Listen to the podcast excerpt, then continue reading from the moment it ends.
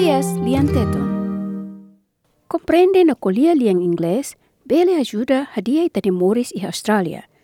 Cada episode programa Aprende Inglés y SBS, ami se explica con Australia y Morris no expresión. Y dane oportunidad para itabot, a tu día ita itabot ni habilidad y el ingles, aprende con la Australia, no ia tempo anesang sente hak solok mos. Ia episode ohin lorong ita bot si aprende kona ba unsa ita prepara ita ang ba teste atau sai si dadania Australia niang.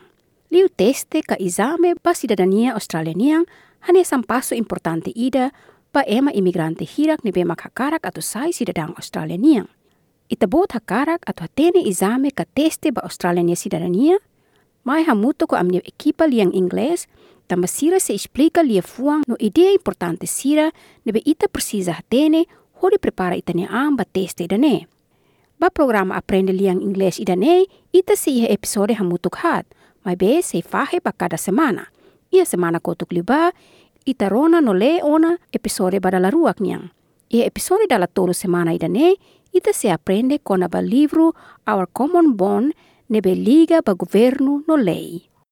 SBS live streams and podcasts are supported by advertising. Hi, I'm Adam Liaw, and I'm excited to share with you my new cookbook, Seven Days of Dinner. Featuring more than 80 recipes from my SBS series, The Cook Up, this collection has the answers for your dinner every night of the week.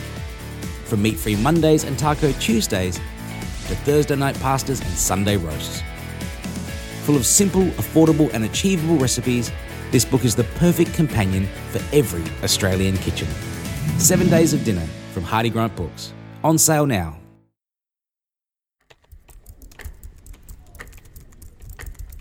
I sit where I'm told, and as each question appears on the screen, I carefully choose the best answer. And you know what? The room stays quiet, except for the occasional soft tapping of keyboards. With every single click of the mouse, I'm making progress through the test. And I'm gaining more and more confidence with each question I answer. I know it's crazy, but in this realm of opportunity, it really hits me. I have earned the privilege of calling myself an Australian.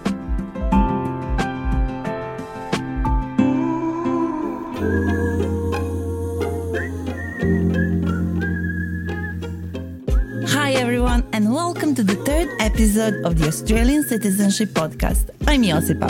And I'm Alex. In this episode, we're immersing ourselves into the third part of our Common Bond booklet, where we explore the world of Australian governance and how we, as citizens, can actively participate in shaping our nation's future. Alex, you continue to impress me. It seems like you already learned a lot. Well, I wouldn't go that far. Remember how I thought the history section was going to be a challenge for me? Turns out the third part has its own set of difficulties. Oh, believe me, I hear you loud and clear. The language and terminology in this section, it's like a secret code only politicians can understand. Yeah, right. It's like they're speaking a different language, isn't it? But you know what? We have an incredible video series where Angeline and Luke not only give us a glimpse into the test questions, but also break down all the complicated terms we need to know to understand our government. That's right. So, how about we press play? Absolutely. Since we don't have time to play the entire video, which you can find on the SBS Learn English website, I've selected a part I found particularly helpful. What does it take to change the Australian Constitution through a referendum? For a referendum to be successful, we must have a double majority. This is when at least four out of the six states and more than a 50% of citizens give a yes vote. How many arms of government does Australia have? And we're not talking about arms as in hands. No.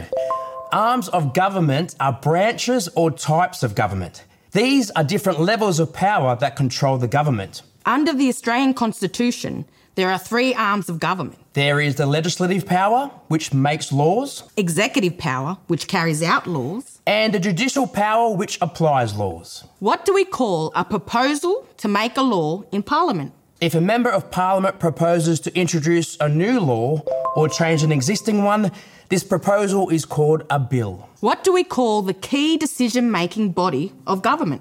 The cabinet. That's a committee of senior ministers who are responsible for different areas of government. Each area is called a portfolio.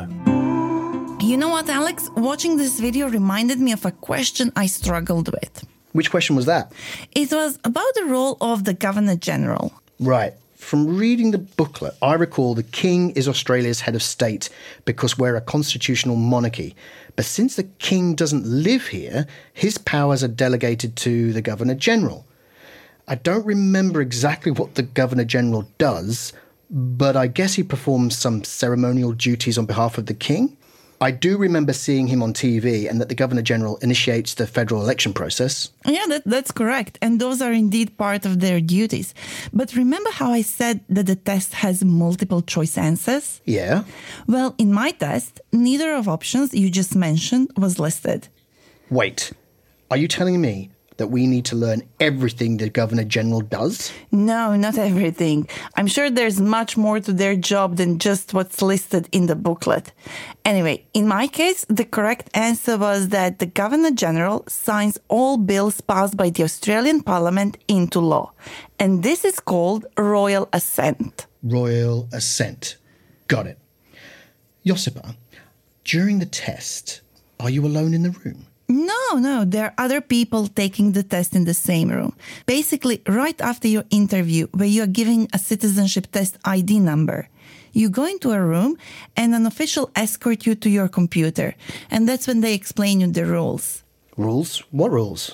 Rules, you know, such as putting your phone on silent. So I'm not allowed to have my phone with me? Well, you can have your phone with you, but you can't use it. How much time do we have for the test? Well, you have 45 minutes. Is that enough? Absolutely. With good preparation, which, by the way, you are already doing, you'll likely finish in, I don't know, less than 10 minutes. I wish I had your confidence. Actually, to be fair, I feel more confident now than we did when we recorded the first episode. So all I need to do is practice a bit more. How about we practice right away with Angeline and Luke? Let's do it. Which arm of government has the power to make laws? A. Legislative power, B. Executive power, or C. Judicial power? I'm going to lock in B, executive power. The answer is A. Legislative power is the power to make and change laws. Who is responsible for building permits and social planning? A. The Australian Government. B. State and Territory Government. C. Local governments. Is it C, local governments? The correct answer is C. Local governments are responsible for building permits and social planning. Next question is What do we call a proposal to make a law in Parliament? Is it A, a vote, B, bill, C, ballot? B, bill? The correct answer is B. The proposal to make a law or change an existing one is called a bill. Uh, looks like I still have some learning and practicing to do. Alex, you know what they say practice makes perfect. And remember, to pass the test, out of 20 questions, you must answer a minimum of 15 questions correctly. So there's room for some mistakes? Yes, there is, but the five questions from part 4, which is about Australian values, must be answered correctly. What makes part 4 so special? Well, why don't we save that for our next episode? In that case, I'm Alex. And I'm Josipa. Thanks for joining us and learning along.